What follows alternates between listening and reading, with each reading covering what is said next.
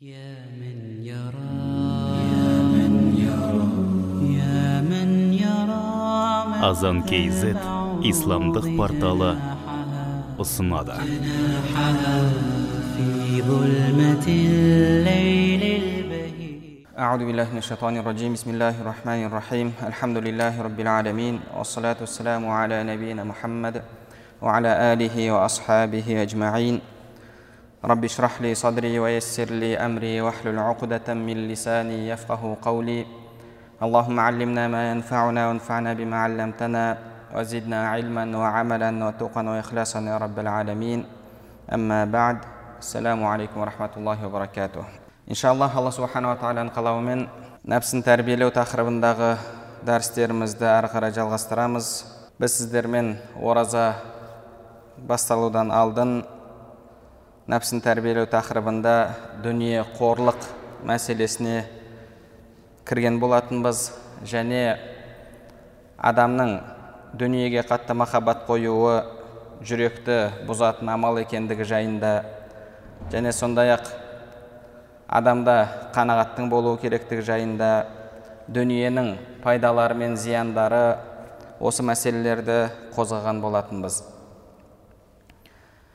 имам абу хамид ғазали рахмаулла дүние қорлық тақырыбын жалғастырып ары қарай айтады егер адамның дүние мал мүлкі аз болатын болса өміріне жеткілікті болмай жатса ол кезде адамның жүрегінде қанағат азға шүкіршілік болуы керек.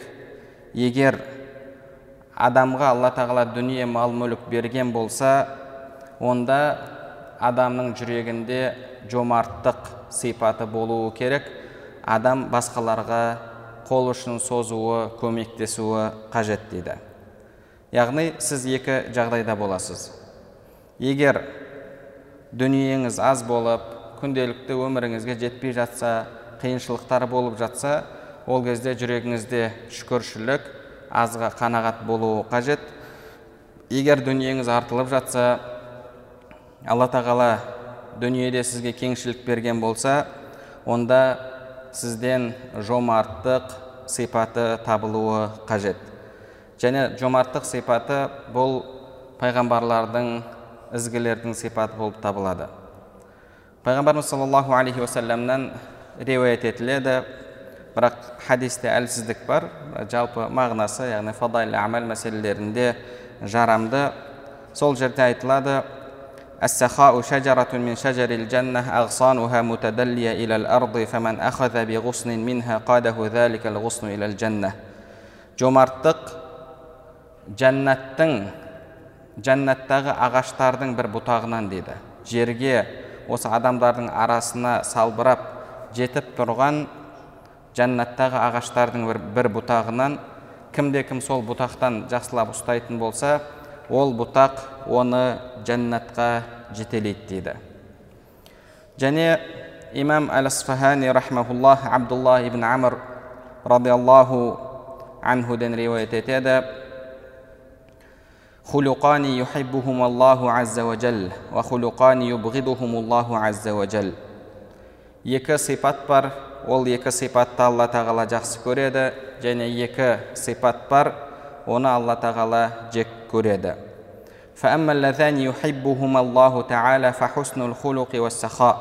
Алланың жақсы көретін екі сипаты бұл мінездің көркем болуы және жомарттық. Ал екі жек көретін алла жақтырмайтын сипаттар фасуул хулуқи уәл бухл мінездің жаман болуы және сараңдық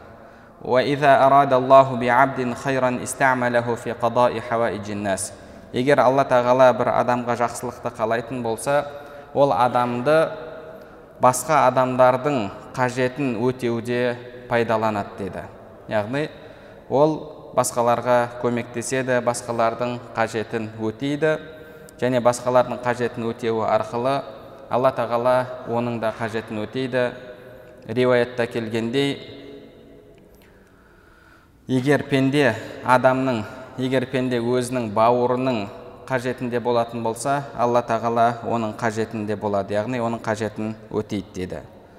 Және сондай ақ имам ат табарани және имам хакимдер имам байхақилер сахл ибн саад радиаллаху анхудан риуаят етеді. Пайғамбарымыз саллаллаху алейхи вассалам айтты дейді инналлаха каримун юхиббул карам алла тағала жомарт және жомарттықты жақсы көреді дейді.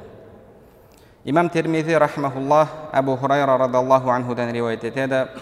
Пайғамбарымыз саллаллаху алейхи вассалам айтты дейді инна сахия қарибун мин аллахи қарибун қарибун нар жомарт адам аллаға жақын адамдарға жақын жәннатқа жақын тозақтан ұзақ. وإن البخيل بعيد من الله بعيد من الناس بعيد من الجنة قريب من النار ал сараң адам болатын болса алладан ұзақ адамдардан ұзақ жәннаттан ұзақ және тозаққа жақын дейді имам ибн саммак рахмауллахтан келетін сөз бар ол кісі айтады عجبت لمن يشتري المماليك بماله ولا يشتري الأحرار بمعروفه мен кейбір адамдарға таңғаламын олар дүниесімен құлдарды сатып алады бірақ сол дүниесімен жақсылық жасау арқылы басы бос болған азат адамдардың жүрегін сатып алмайды дейді кейбір араби болған кісілерден сұралған сендердің басшыларың кім деп жалпы мынау араби адамдардың аузынан да шыққан көптеген хикмет сөздер бар сонда әлгі арабидің берген жауабы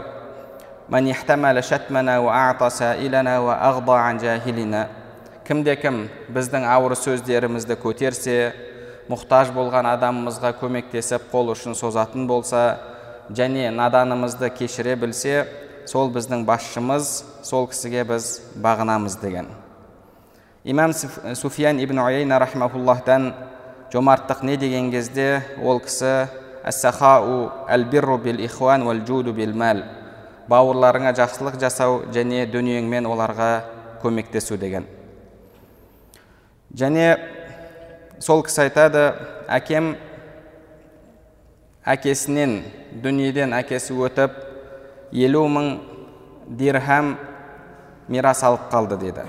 елу мың дирхам мирас алды да мирас өзіне өткен кезде оны бөліп өзінің бауырларына тарата бастады деді. Өзінің араласып жүрген жақсы көретін бауырларына тарата бастады.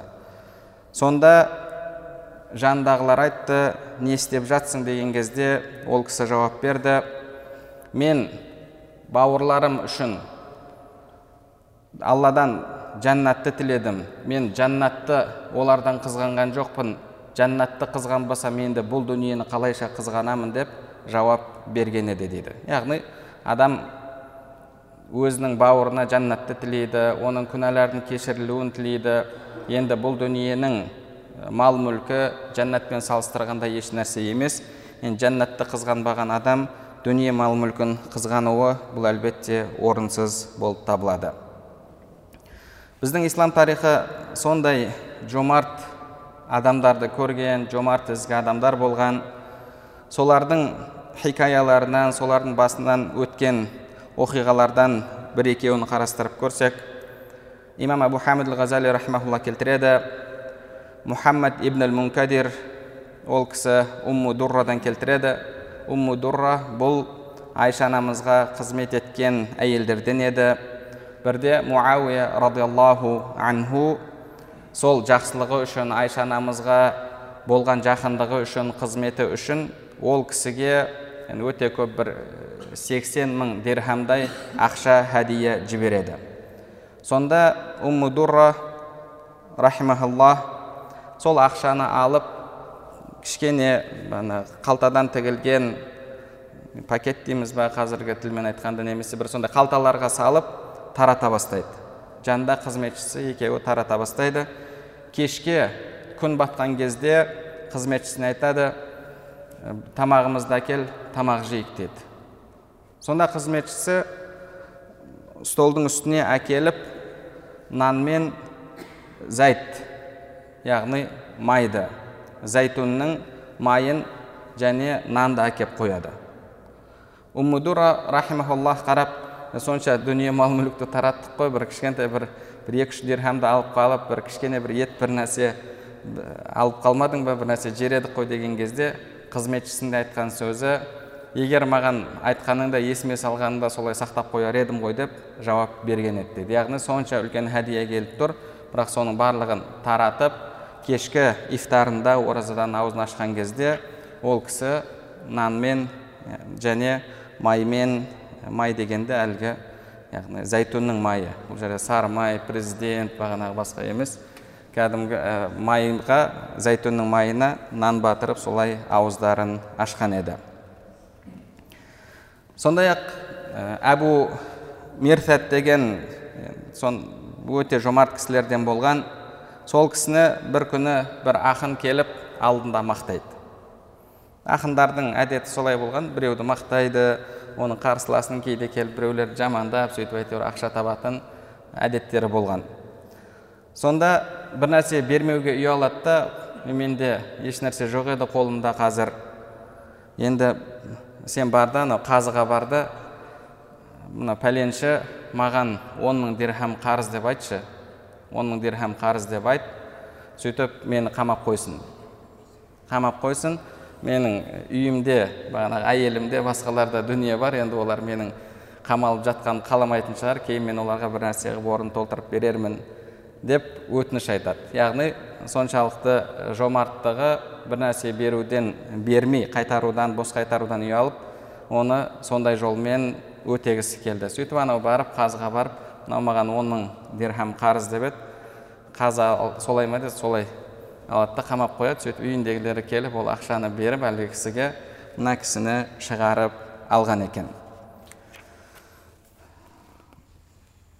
Харун ар рашид рахмаулла мұсылмандардың ұлы халифаларынан бірде мәлик ибн анас рахмауллахқа 500 динар хәдия жібереді сол ләйф ибн саад рахмауллахқа жеткен кезде ол кісі мың динар мәлик ибн анас рахимахуллахқа хәдия жібереді оны естіп харун ар рашид ашуланады мен 500 дирхам беретін болсам сен менің қол астымдағы менің мемлекетімдегі азаматтардың бірісің сонда менен артығырақ бермекшісің бе деген кезде ләйс ибн саад рахимахуллах айтады. Яғни бұл кісі де әхлі сүннаның имамдарынан ә, мучтахид мұтлақ болған кісі. Бірақ алла тағала ол кісіге мазхабын ары қарай жалғастыратын шәкірттер жазбады.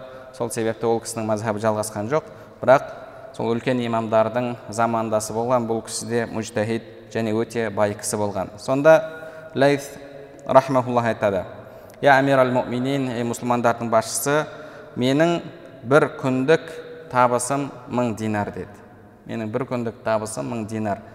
Енді сондай үлкен имамға өзімнің бір күндік табысымды қия алмасам онда кім болғаным? Мен өзім үшін бұны үлкен айып санадым. Осы имамды бір күндік менің табысыма лайық көрмесем онда кім болғаным сол үшін де осылай артық беруге тура келді деп жауап берген екен. Және тарихшылар айтады лайф ибн саад рахимахуллахқа ешқашан зекет уәжіп болған емес деді. Зекет уәжіп болған емес. Яғни әлгі дүниесі жиналып сол дүниесінен зекет беру керек деген мәселе ол кісіде болған емес. Неге? Себебі дүние келеді ол кісі алла жолында жұмсап жібереді дүние келеді алла жолында жұмсап жібереді бір күні ол кісіге бір әйел қажетін айтып келеді қажеті сонда бір азғана бал сұрайды азғана бал сұрайды ләйс рахмауллах үйіне айтып үйінен бір шелек бал әкеп әлгі әйелдің қолына ұстатады сонда жанында тұрған кісілер бұл сенен азғана бал сұрады ғой. Азғана бір мөлшерде сұрады. Неге сонша артығымен бердің деген кезде ол кісінің айтқан сөзі ол өзінің қажетінің мөлшерінде сұрады ал мен алланың маған берген жақсылығының нығметінің мөлшерінде оған бердім деген. Және ол кісінің тағы бір айтқан керемет сөзі бар. Алла тағала маған дүние мүлікті беріп мені әдеттендірді және мен адамдарға сұрап келгендерге беріп ол адамдарды әдеттендірдім. Егер мен адамдардан әдетімді тыятын болсам алла да менен әдетін яғни мені әдеттендірген нәрсені тыяды ма деп ойлаймын деп жауап берген екен. Ә, қайс ибн саад рахмаулла өлім төсегінде жатқан кезде ауырып бауырлары оны зиярат етпейді. Сонда ол кісі айтады неге менің бауырларым көп еді ғой неге ешқайсысы мені зиярат етпей жатыр деген кезде жанындағы қызметшісі айтады олар саған қарыздарын қайтарып үлгермеген сол қарыздардың себебімен үй алып сені зиярат ете алмай жатыр деді. Шынында да қарыз деген нәрсе имам әш шафии рахмаулла айтқандай түнде уайым күндіз қорлық. Түнде уайымдайсың қалай тауып берсем қайдан табамын қалай берем деп әлбетте ол адамда егер иман болатын болса ал күндіз қорлық яғни әлгі адам келеді сенен сұрайды немесе көрген жерде ұяласың немесе бетін көруге ұялып қашып жүресің. Әлгі бауырларың сенен үй алып келе алмай жатыр деген кезде ол кісі субханалла мені бауырларымнан тыятын бауырларымнан бауырларыммен қарым қатынасымды үзетін дүние құрысын деп қызметшісіне айтады бар да айт ә, кімде қарыз болатын болса сол қарызын яғни беру керек болған қарызы болатын болса сол қарызды қайс ибн саад кешірді кешіп жіберді деп жарияла деді сөйтіп жариялайды сол күні адамдардың соншалықты көп келгенінен үйінің алдында яғни кішкентай бір арық бар еді арықтың үстінде төселген яғни ағаштан жасалған кішкене көпір бар еді. Адамдардың көп келгенінен сол көпір сынып кетті дейді. Яғни соншалықты адамдарға көмектесіп жүрген еді. Шейх әбу саад ән найсабури рахмаулла айтады ол мұхаммад ибн мұхаммад әл хафиздан ол кісі шафиидің былай дегенін естідім дейді. Мысырда бір кісі болды. Өте сондай жомарт кісі еді. Сол кісінің нәрестесі дүниеге келді бірақ сол уақытта ол кісінің жағдайы қиын болып тұрған еді деді. Сөйтіп басқа бір кісіге барады. Барып маған мен осындай балам дүниеге келіп жатыр мынандай қажеттері бар сол үшін азғана көмектесіп жіберсең дейді әлгі кісі де жомарт кісі өзінде еш нәрсе жоқ не істерін білместен барып яғни бір адамға барады екінші бір адамға барады танитын үш төрт адамына барады ешқайсысынан еш нәрсе шықпайды. Сонда қатты қайғырып субханалла бұл дүние не болып кетті? Адамдар қалайша осылай өзгеріп кетті? деп өте жомарт болған ізгі болған бір кісінің қабірінің жанына барып отырады. Отырады да ананың қабіріне қарап отырып қарашы заман қандай өзгеріп кетті? Сен осындай адам едің адамдарға осылай көмектесетін едің. Ал қазір мен бес алты үйді аралап шықтым. Бір үйден бір тиын ақша шыққан жоқ. Адамдар осылайша сараң болып кетті. Енді не істеймін деп ойланып отырады да әлгі қажетін сұрап келген кісіге қалтасында бір динар болады. Сол бір динарды алып бір динарды алып екіге бөледі динар алтын ақша сөйтіп мынау саған кейін бір жағдайың түзелгенше мә деп береді қалған мынау жарты енді өзіме бағанағы бала шағама тамағыма деп сөйтіп сол жерде екеуі екі бөлек кетеді.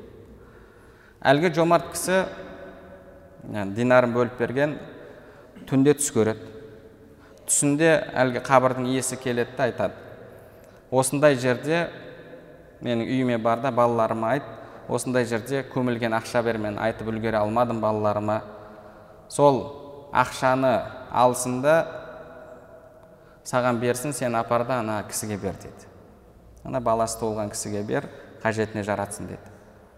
Әлгі кісі қайтыс болған қабірдің иесінің үйіне барады балаларына мен осындай түс көрдім деді.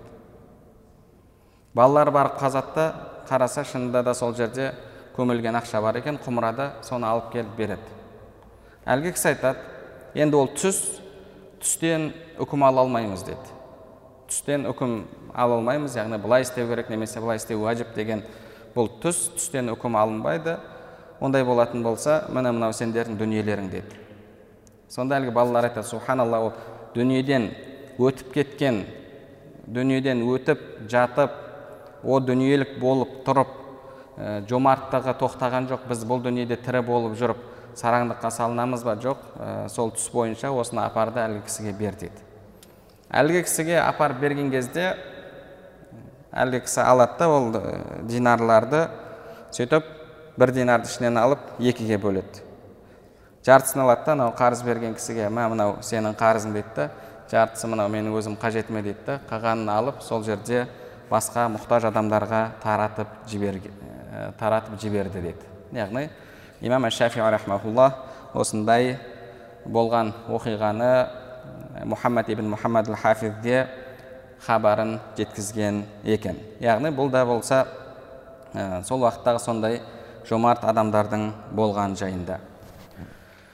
Али радиаллаху анхуден риуаят етіледі. Ол кісі бір күні жылады дейді сонда жанындағылар неге жыладың? деген кезде үйіме жеті күн болды қонақ келген жоқ деп жылаған екен. Бұл да болса ол кісінің жомарттығын көрсетеді. Және сондай ақ алдыңғы ізгі кісілерден бір кісіге досы келеді. Досы келіп досым осындай басымда қарызым көбейіп кетті қол ұшың созып жібересің бе деген кезде қарызың қанша? дейді. 400 дирхам қарызым бар деді сонда әлгі кісі 400 дирхамды береді де арқасынан қағып жылы сөздерін айтып шығарып салады. Шығып кеткеннен кейін отырып жылайды. Сонда үйіндегілер айтады енді сонша дүниені беруге қиналсаң онда несіне бердің деді. Жылап жатқанын көріп енді соншалықты енді жылайтындай қиналатын болсаң онда не үшін бердің бермей ақ қоймадың ба немесе бұдан азырақ бермедің бе деген кезде әлгі кісі субханалла мен бұл бауырымның халін сұрамастан оның жағдайын сұрап білместен оның осында келуіне мұқтаж еткеніме мен қиналып жылап жатырмын деп жауап берген екен. Яғни бұл да болса ол кісілердің қаншалықты жомарт болғандықтарын көрсетеді. Енді жомарттыққа қарсы келетін адамның жүрегіндегі жомарттықты жоятын сипат бұл сараңдық сипаты. Сараңдық дінімізде қараланған сипаттардан жүректің дерттерінен және адамның жүрегін құртатын және көптеген басқа да апаттарға алып келетін сипат болып табылады. Құранда алла субханала тағала сараңдық жайында айтады. Егер кімде кім нәпсісінің сараңдығынан құтылатын болса одан амандықта болатын болса бұл адам қияметте құтылушылардан болады дейді және алла субханала тағала құран кәрімде басқа аятта айтады.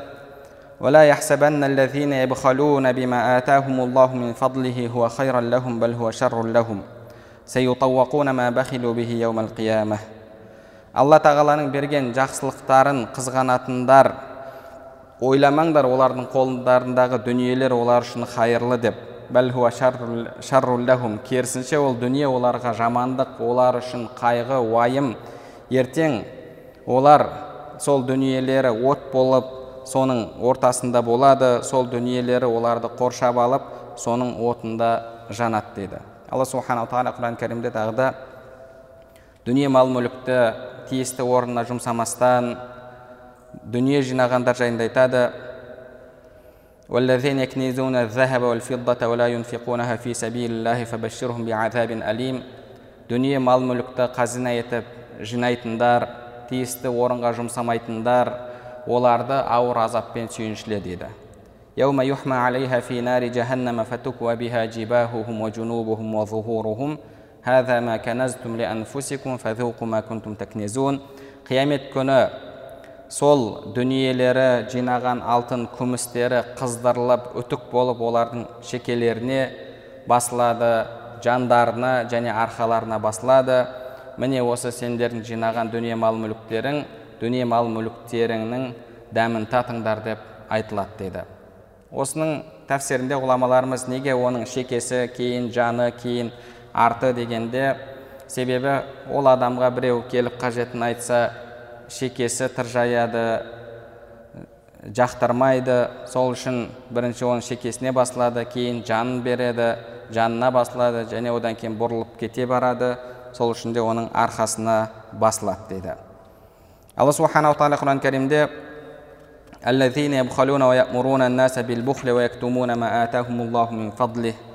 яғни сондай жаман адамдар жайында айтады олар өздері сараң және адамдарға сараңдықты бұйырады яғни біреу берейін деп жатса өзі сараң болғанымен шектелместен басқа біреуге не қыласың осындай қиын заманда біреуге көмектесесің ба қазір әрбір адам өзімен өзі болатын заман енді неге ол да дүние таппайды енді дүние таппағанына біз кінәліміз ба? Неге біз дүние тапқанымыз үшін кінәлі болуымыз керек? Неге басқаға біз беруіміз керек? деген секілді сөздерді айтып адамдарды жақсылық жасаудан айнытады қазір девальвация болып жатыр басқа болып жатыр. Жағдай қиын ертең қалай болады білмейміз деген секілді уәсуаса сөздерді айтып адамдарды азғырады. Және алланың берген жақсылықтарын олар жасырады дейді. Пайғамбарымыз саллаллаху алейхи уассалам имам абу дауд насаи ибн хиббан хакимдер келтірген хадисте айтады хадисте абдулла ибн амр радиаллаху анху риуаят етеді сараңдықтан сақ болыңдар сенен алдыңғылар сараңдықпен құрыған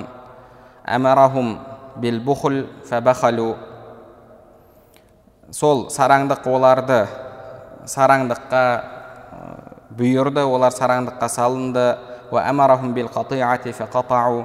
және сол дүниенің себебімен ағайын туысқандарымен қарым қатынасты үзуге бұйырды оны да жасады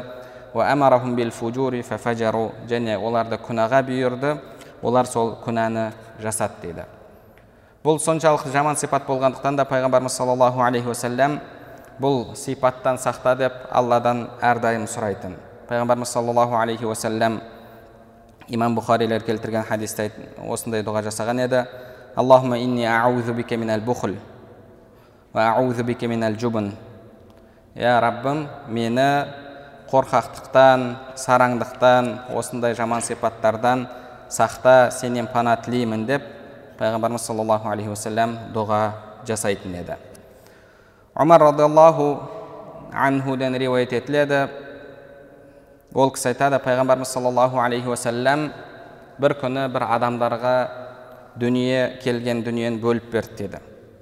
Сонда мен пайғамбарымызға айттым деді. Басқа адамдар бар еді бұлардан да бұл дүниені алуға лайығырақ еді ғой деген кезде пайғамбарымыз саллаллаху алейхи уассалам айтты дейді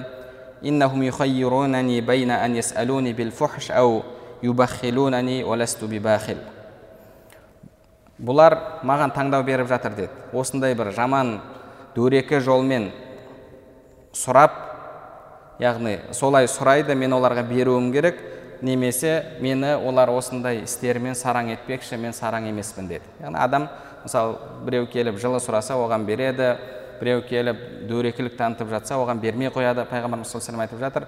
Бұлардың дөрекілігінің өзі мен үшін бір фитна деді. Яғни сол дөрекіліктің себебімен мен сараңдыққа салынып қалуым мүмкін бірақ мен сараң емеспін. Сол үшін де осылай дөрекі сұрап жатса да басқа бағанағы мүлайым адамдар болса да мен сараңдыққа салынбау үшін бұларға бердім деп айтқан еді. Хадисті имам муслим рахмаулла риуаят еткен. Кәб рахмаулла айтады әрбір таңда алла тағала бекітіп тағайындап қойған екі періште бар сол екі періште айтады деді аллахума аджил мумсикин талафа ва аджил мунфиқин халафа ей раббым дүние мал мүлкін тиісті орнына мұқтаждарға жұмсаған адамдардың дүние мал мүлкін көбейт ал кімде кім дүние мал мүлкін сараңдықпен ұстап қалса ол адамның дүние мал мүлкін құрт деп дұға жасайды дейді имам асмаи айтады бұл кісі сондай үлкен тілдің имамы және ақын болған имамдардан яғни сондай бір өте қиын өлеңдер жазған қайсы бір халифаның кезінде өмір сүрген адаспасам қателеспесем харун рашид болу керек. Ол кісінің жаттау қабілеті өте мықты болған екен. Ол кісі айтқан екен кімде кім маған мен естімеген бір өлең шумақтарын алып келетін болса естіртетін болса мен оған мынанша дүние беремін деді. Түнде ақын отырып өлең жазады таңертең халифаның алдына келіп оқыған кезде яғни ол кісі бір естігеннен жаттап алатын болған анау айтып болған кезде е мен бұл өлеңді білем ғой деді. Бұл өлең жаңа өлең жаңа өлең емес мен білем бұл өлеңді. Даже мен өзім жатқа білемін керек болса деп сөйтіп сол жерде артынша айтып береді екен. Анау ақын таң қалады сенбесең мен мен балам да оны жатқа біледі дейді екен. Баласы екі рет естігеннен жаттап алады екен. Сөйтіп ана ақын айтып жатқан кезде естіп алады. Артынан халифа қайталаған кезде тағы да естіп алады да сонымен жаттап алып баласы қайталап береді екен. Анау ақын таң қалады.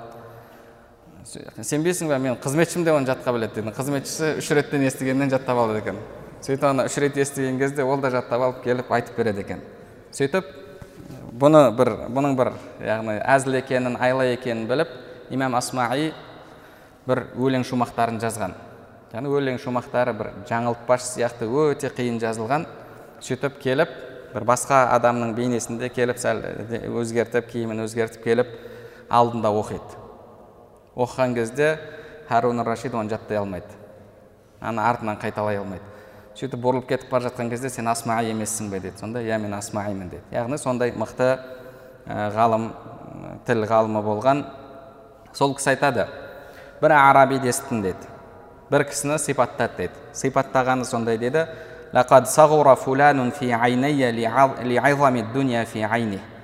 Бір адам дейді ол адамның көзінде дүние соншалықты үлкен болғандықтан ол адам менің көзімде соншалықты кішкентай адам болып кетті деді. Яғни ананың көзінде дүние соншалықты үлкен сол үшін ол менің көзімде соншалықты бір кішкентай болмашы адам болып кетті деді. Келіп мұқтаж мұқтаждығын айтып бір дүние сұрап келген адамды ол өлім періштесі секілді көреді деді. Яғни адам өлім періштесінен қандай қорықса мысалы сондай сараң адамдар бар оған келіп дүние сұраған адам бір өлім періштесі секілді көзіне көрінеді. Имам абу ханифа рахимахуллахтан риуаят етіледі. Ол кісі айтқан дейді. Мен сараң адамды дүниесін қызғанатын сараңдыққа салынатын адамды хадисін алуға жарамды риуаяты жарамды адам деп білмеймін деген. Себебі оның сараңдығы оны әділетсіздікке біреулердің ақысын жеуге тағы басқа нәрсеге алып келеді. Яғни ол адамнан амандық кет, аманат кететін болса оның риуаяты қабылданбайды. Сол үшін мен сараң адамның риуаятын қабыл ете алмаймын деген сөз айтқан дейді. Имам әл жахиз айтады. Имам деген кезде бұл кісі енді жалпы тілде имам болып табылады. Бірақ ақидасында муатазили болған деген риуаят бар енді нақтысын білмеймін. Жахиз ол кісінің әл хайауан тағы да әл бухала деген кітаптары бар. Яғни көбінше әдеби кітаптар жазған. Ә, кітаптарында да бірақ әлиститрат деген нәрсе бар. Әлиститрат деген мысалы бір адам бір тақырыпқа кіреді да кейін одан басқа тақырыпқа өтіп кетеді одан басқа тақырыпқа өтіп кетеді. Сол кісі осындай кітап жазған кезде сондай әдеті болған. Әл хайуан деген хайуанаттар жайында кітабы бар бірақ ішінде хайуанаттардан басқа барлық нәрсе бар деді. Яғни басында хайуанат деп бастайды да одан бір нәрсеге өтіп кетеді. Мысалы хайуанат ол оның бағана тілдегі мағынасы мынандай мынандай сөзден шыққан одан ол басқа сөзден шыққан кейін оны талқылап кетеді әйтеуір кітабы сондай. Және ол кісінің әл бухала деген сараңдар деген кітабы бар. Ішінде сараңдардың хикаясын келтіреді. Сол имам жахиз айтады бұл дүниенің ләззатынан тек қана үш нәрсе қалды дейді біріншісі зәммул бухала сараңдарды жамандау дейді яғни сараңдарды жамандап ол кісі кітап жазған сараң адамдарды жамандау екіншісі әклул қадид дейді қадид яғни бір нелерде мысалы оны бір ірімшіктің бір түрі деп келеді немесе қатқан нан екіншісі сол үшіншісі хаккүл жараб деді хаккүл жараб яғни бағанағы денеңе жара шыққан болса сол жараны қасу деді. Яғни жараны қасудың да өзінің бір ләззаты бар ғой. Осы үш қана ләззат қалды басқа ешқандай ләззат қалған жоқ дейді. Имам бишр ибн харис әл сараң адамға ғайбат жүрмейді деген. Сараң адамға ғайбат жүрмейді яғни ол өзі көбінше адамдардың оны жамандауына себеп болады. Және ибн муатаз айтты дейді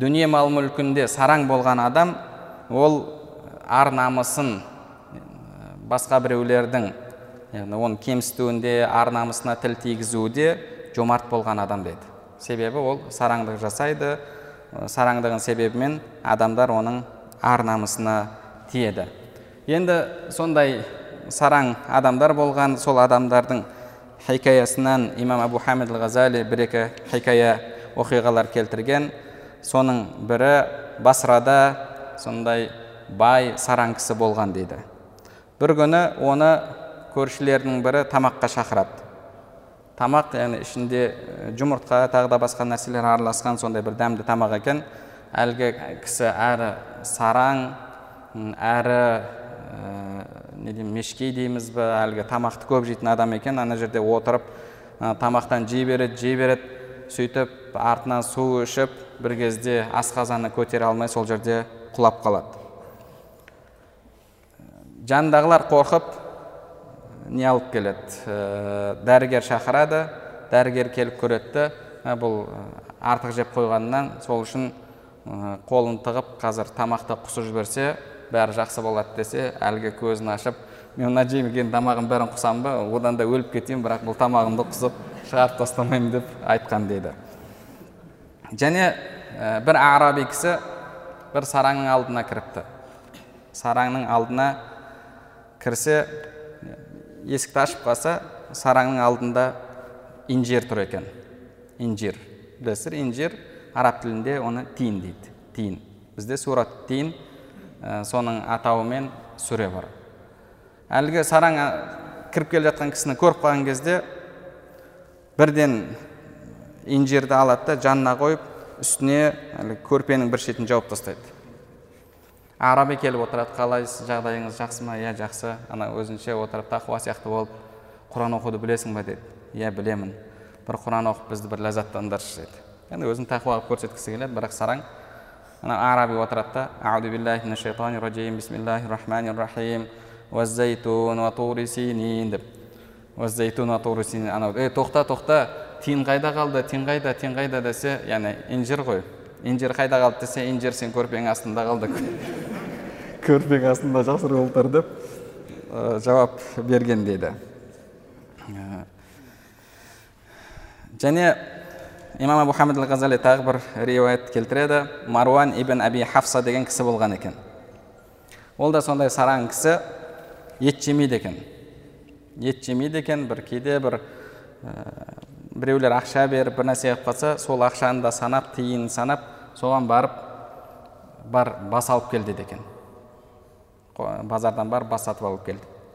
Сөйтіп қызметшісін жібереді екен. Жанындағылар сұрайды сен бастан басқа еш нәрсе жемейсің ба басқа еттің түрін жемейсің ба десе ол кісі айтады екен жоқ дейді мен біріншіден бастың бағасын білемін нақты бағасын базардағы мені қызметшім алдай алмайды дейді екіншіден ол ә, бастан бір нәрсесін алып өзіне алып қала алмайды. Мысалы ет алып келетін болса еттің бір жерін кесіп алуы мүмкін.